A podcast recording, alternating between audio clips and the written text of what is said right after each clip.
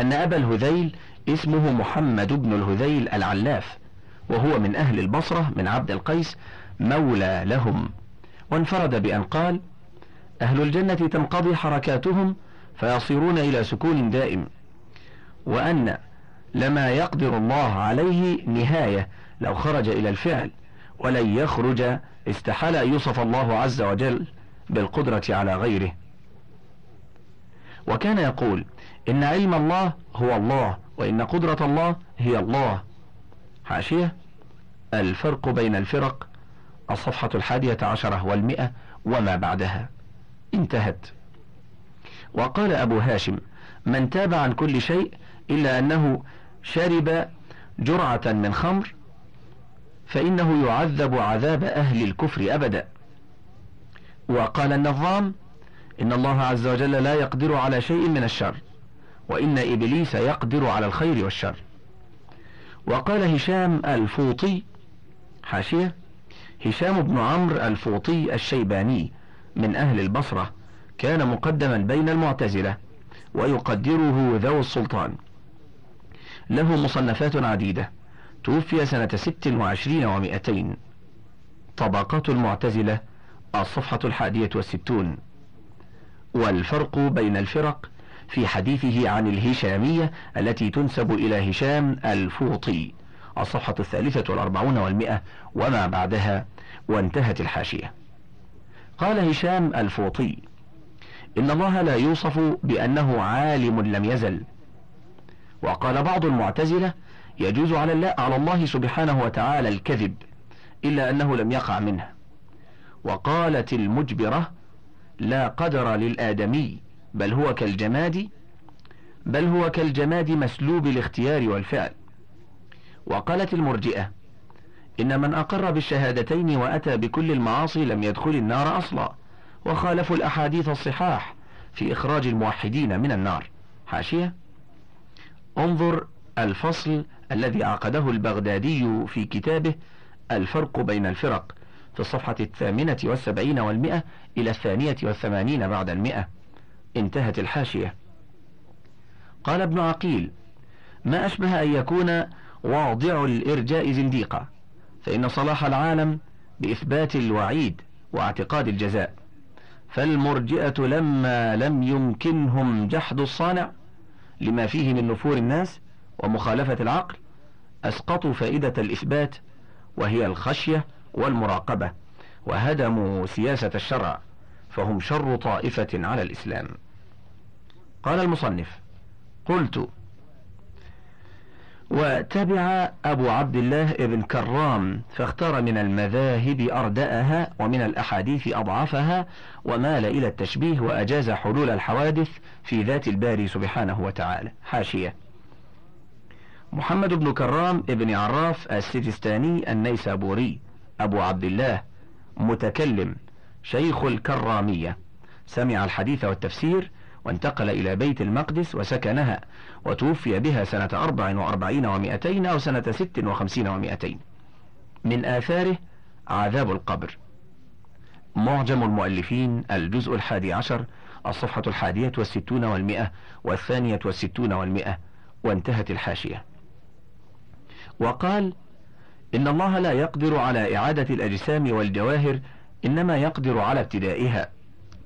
حاشية الفرق بين الفرق للبغدادي الصفحة التاسعة والثمانون والمئة إلى السابعة والتسعين بعد المئة. انتهت.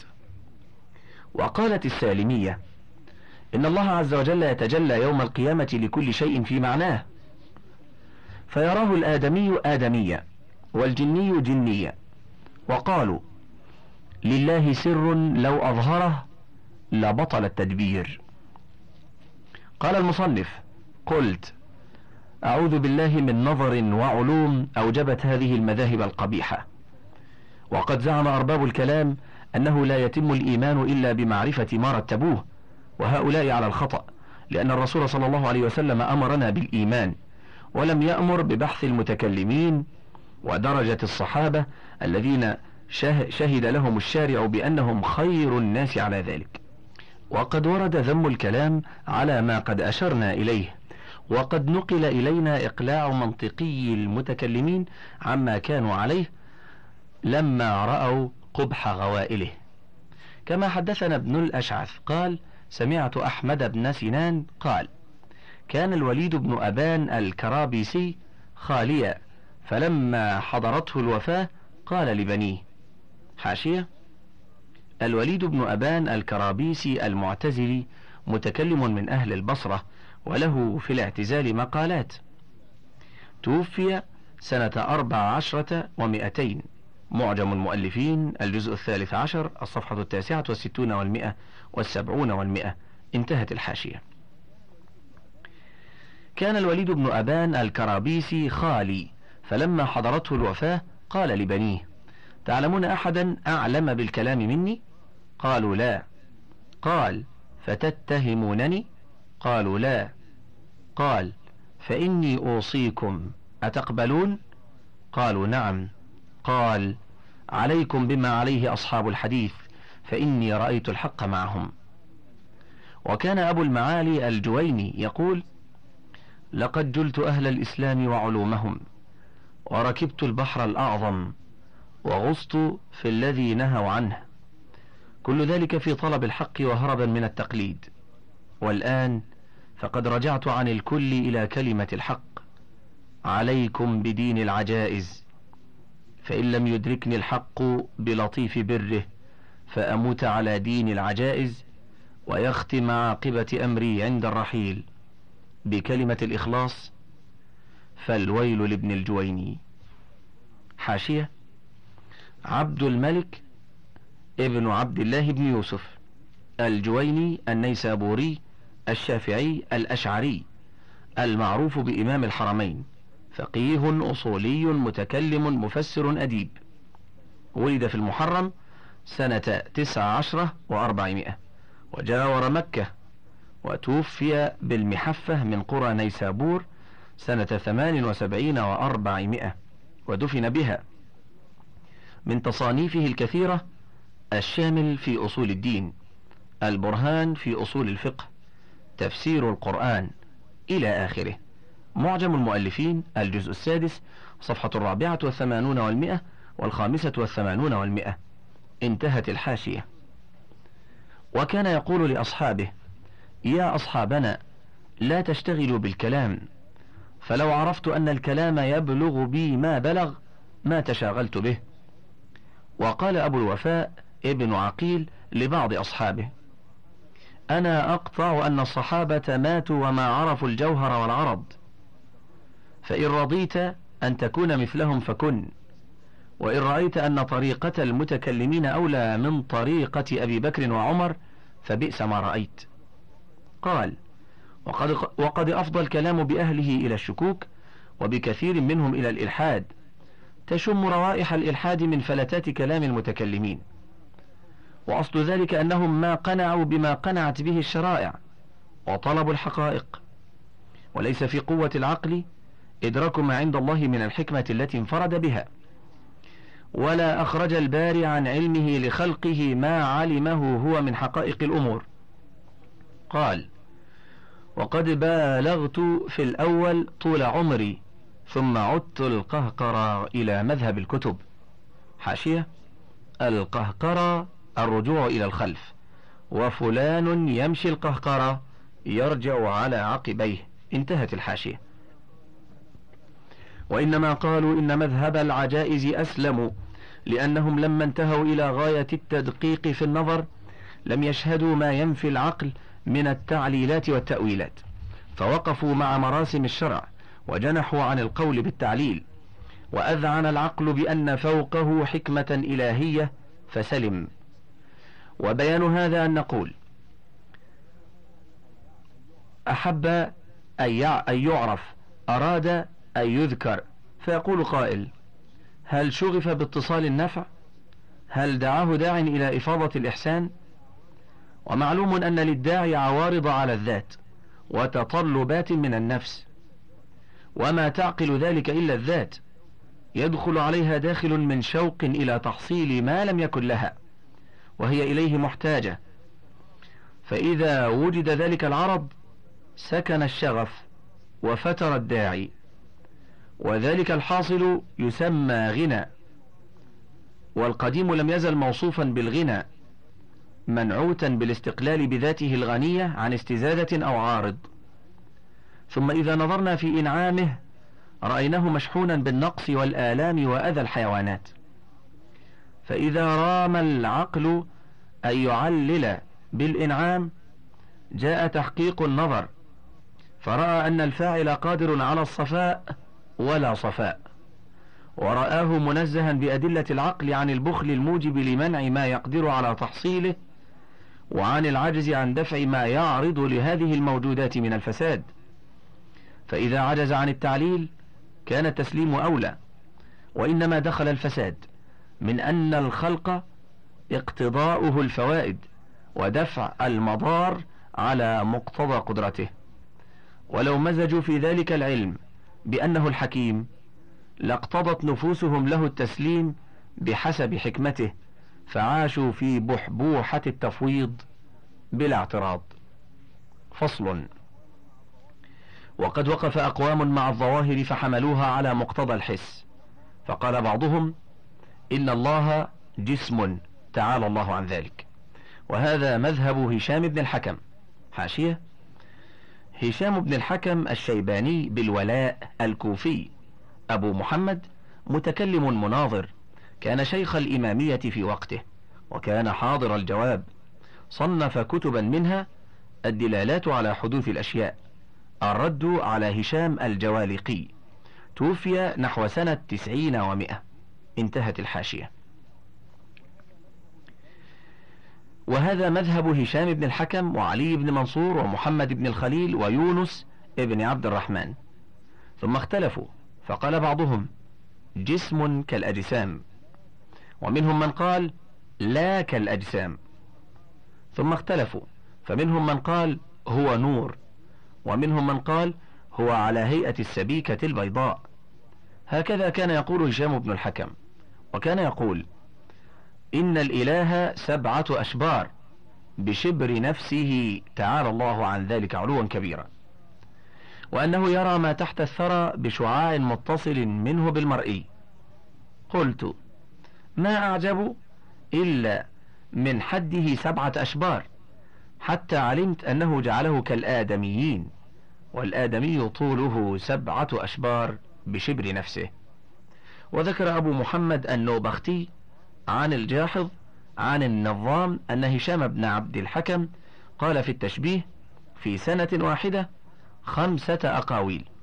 قطع في آخرها أن معبوده أشبر نفسه سبعة أشبار. فإن قوما قالوا إنه على هيئة السبيكة.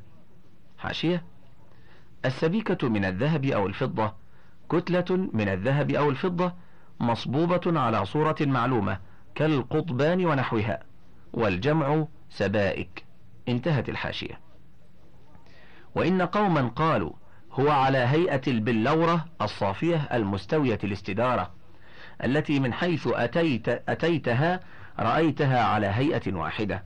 وقال هشام هو متناهي الذات حتى قال إن الجبل أكبر منه. قال وله ماهية يعلمها هو. حاشية. انظر الفرق بين الفرق للبغدادي الصفحة الرابعة والستون إلى الثامنة والستين وانتهت الحاشية. قال المصنف وهذا يلزمه أن يكون له كيفية أيضا وذلك ينقض القول بالتوحيد. وقد استقر أن الماهية لا تكون إلا لمن كان ذا جنس وله نظائر فيحتاج أن يفرد منها ويبان عنها. والحق سبحانه ليس بذي جنس ولا مثل له ولا يجوز أن يوصف بأن ذاته إرادية ومتناهية لا على معنى أنه ذاهب في الجهات بلا نهاية. إنما المراد أنه ليس بجسم ولا جوهر فتلزمه النهاية. قال النبختي وقد حكى كثير من المتكلمين أن مقاتل بن سليمان ونعيم بن حماد وداود الحواري يقولون إن الله صورة وأعضاء. حاشية. مقاتل بن سليمان ابن بشير الأزدي الخراساني أبو الحسن البلخي. كذبوه وهجروه. رمي بالتجسيم. من السابعة. مات سنة خمس ومائتين للهجرة. التقريب الجزء الثاني. الصفحة الثانية والسبعون والمئتان انتهت الحاشية. قال المصنف أترى هؤلاء كيف يثبتون له القدم دون الآدميين؟ ولم لا يجوز عليه عندهم ما يجوز على الآدميين من مرض أو تلف؟ ثم يقال لكل من ادعى التجسيم بأي دليل أثبت حدوث الأجسام فيدلك بذلك على أن الإله هو الذي اعتقدته جسما محدثا غير قديم. ومن قول المجسمة إن الله عز وجل يجوز أن يمس ويلمس. فيقال له فيجوز على قولكم أن يمس ويلمس ويعانق. وقال بعضهم إنه جسم هو فضاء والأجسام كلها فيه. وكان بيان ابن سمعان يزعم أن معبوده نور كله وأنه على صورة رجل وأنه يهلك جميع أعضائه إلا وجهه. فقتله خالد بن عبد الله. حاشية. بيان ابن سمعان إليه تنسب الفرقة البيانية من الغلاة. وهذه الفرقة تدعي إلهية زعيمها بيان. لذا أخرجها البغدادي عن جميع فرق الإسلام. انظر الفرق بين الفرق في الصفحة الثامنة بعد المئتين والتاسعة بعد المئتين. انتهت. وكان المغيرة ابن سعيد البجلي يزعم أن معبوده رجل من نور على رأسه تاج من نور وله أعضاء وقلب تنبع منه الحكمة وأعضاؤه على صورة حروف الهجاء. حاشية.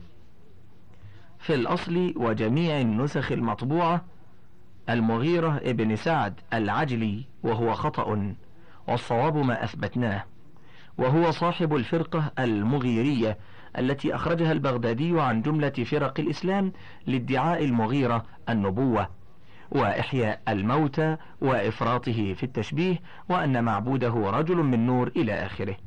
للمزيد انظر الفرق بين الفرق للبغدادي في الصفحة العاشرة والمئتين إلى الثالثة عشرة بعد المئتين. انتهت الحاشية. وكان هذا يقول بإمامة محمد بن عبد الله بن الحسن ابن الحسن. حاشية محمد بن عبد الله بن الحسن ابن الحسن ابن علي بن أبي طالب الملقب بالأرقط وبالمهدي وبالنفس الزكية. ولد سنة ثلاث وتسعين. وذكر أن أمه حملت به أربع سنين. وكان طويلا سمينا أسمر ضخما ذا همة سامية وسطوة عالية وشجاعة باهرة. قتل بالمدينة سنة خمس وأربعين ومائة. وقد حملوا رأسه إلى المنصور وطيف به في الأقاليم. البداية والنهاية في الجزء العاشر الصفحة الخامسة والتسعين وانتهت الحاشية. وكان زرارة بن أعين يقول حاشية.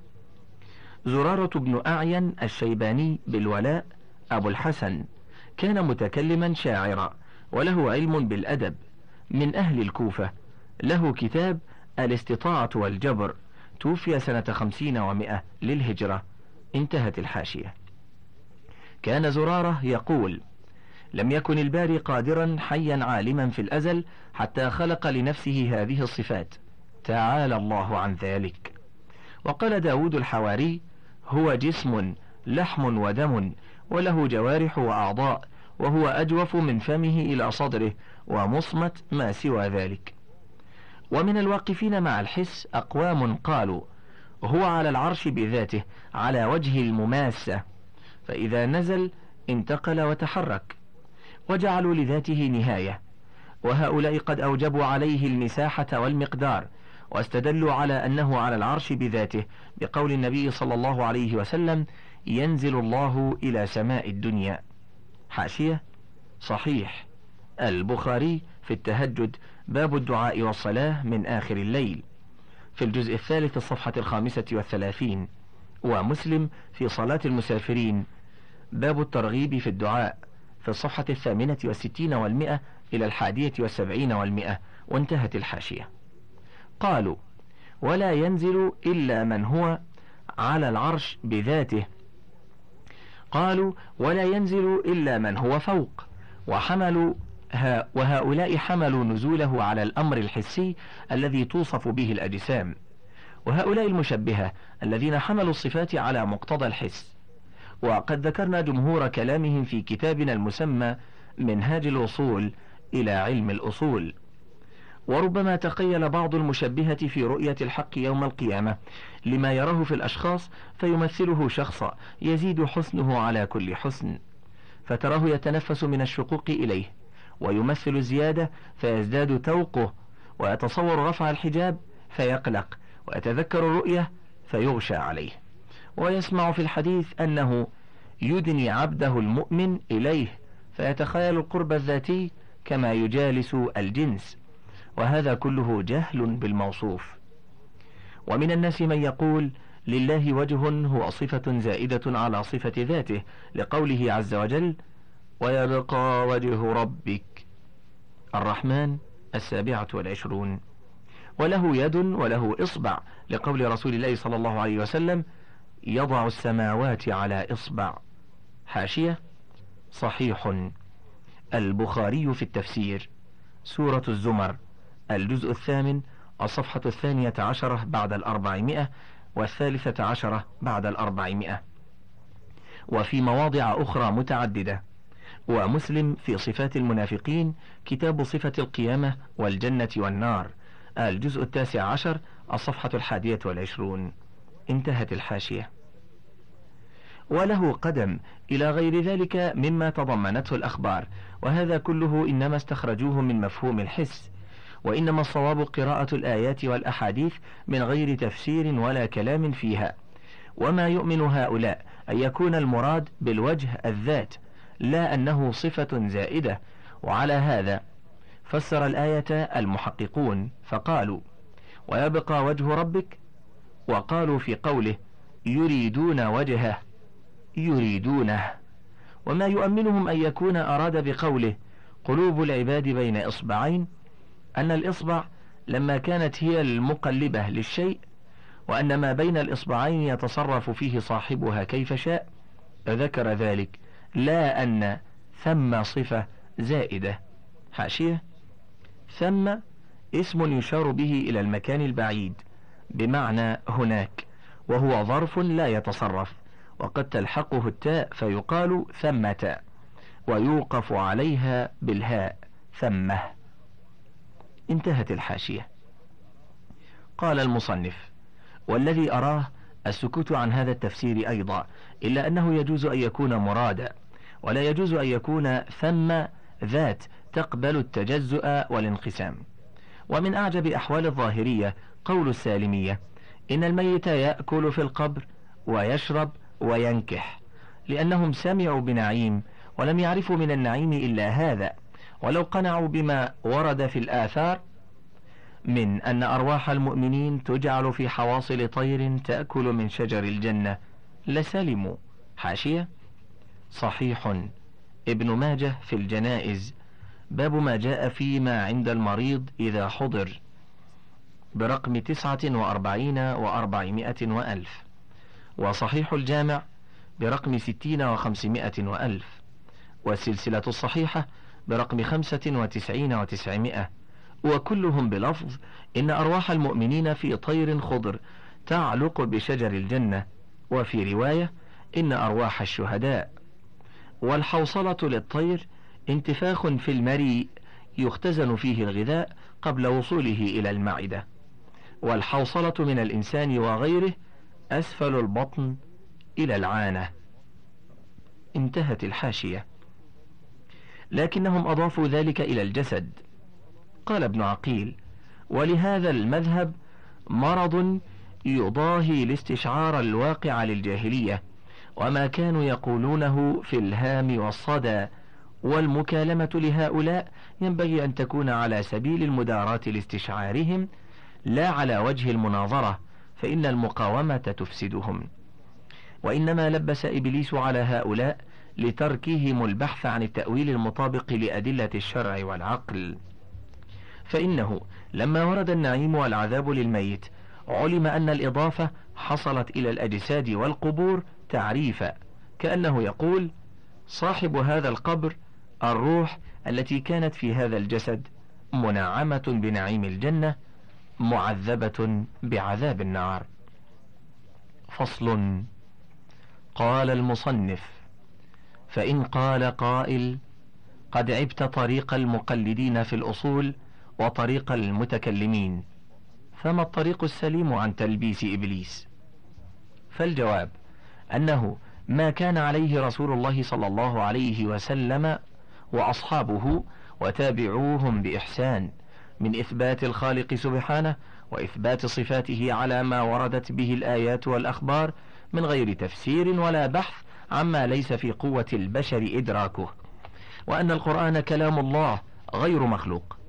قال علي كرم الله وجهه والله ما حكمت مخلوقا إنما حكمت القرآن وأنه المسموع لقوله عز وجل حتى يسمع كلام الله التوبة السادسة وأنه في المصاحف لقوله عز وجل في رق منشور الطور الثالثة. ولا نتعدى مضمون الآيات ولا نتكلم في ذلك برأينا. وقد كان أحمد بن حنبل ينهى أن يقول الرجل لفظي بالقرآن مخلوق أو غير مخلوق لئلا يخرج عن الاتباع للسلف إلى ما حدث. والعجب ممن يدعي اتباع هذا الإمام ثم يتكلم في المسائل المحدثة. عن عمرو بن دينار قال أدركت تسعة من أصحاب رسول الله صلى الله عليه وسلم يقولون حاشية. عمرو بن دينار عمرو بن دينار المكي أبو محمد الأثرم الجمحي مولاهم. ثقة ثبت من الرابعة. مات سنة ست وعشرين ومائة الجزء الثاني الصفحة التاسعة والستون من التقريب. انتهت الحاشية. عن عمرو بن دينار قال أدركت تسعة من أصحاب رسول الله صلى الله عليه وسلم يقولون من قال القرآن مخلوق فهو كافر. وقال مالك بن أنس من قال القرآن مخلوق فيستتاب فإن تاب وإلا ضربت عنقه. وعن جعفر بن برقان أن عمر بن عبد العزيز قال لرجل وسأله عن الأهواء فقال عليك بدين الصبي في الكتاب والأعرابي والها عما سواهما حاشية؟ جعفر بن برقان الكلابي أبو عبد الله الرقي صدوق يهم في حديث الزهري من السابعة. مات سنة سبعين ومائة وقيل بعدها. التقريب الجزء الأول الصفحة التاسعة والعشرون والمئة. وانتهت الحاشية. وعن عمر بن عبد العزيز قال إذا رأيت قوما يتناجون في دينهم بشيء دون العامة فاعلم أنهم على تأسيس ضلالة. وعن سفيان الثوري قال بلغني عن عمر أنه كتب إلى بعض عماله أوصيك بتقوى الله عز وجل واتباع سنة رسوله صلى الله عليه وعلى آله وصحبه وسلم وسلم. وترك ما أحدث المحدثون بعده. بما قد كفوا مؤونته. واعلم أن من سن السنن قد علم ما في خلافها من الخطأ والزلل والتعمق. فإن السابقين الماضين عن علم توقفوا وتبصر ناقد قد كفوا. وفي رواية أخرى عن عمر وأنهم كانوا على كشف الأمور أقوى. وما أحدث إلا من اتبع غير سبيلهم ورغب بنفسه عنهم. لقد قصر دونهم أقوام فخفوه وطمح عنهم آخرون فعلوه. انتهى الوجه الأول. فضلا اقلب الشريط.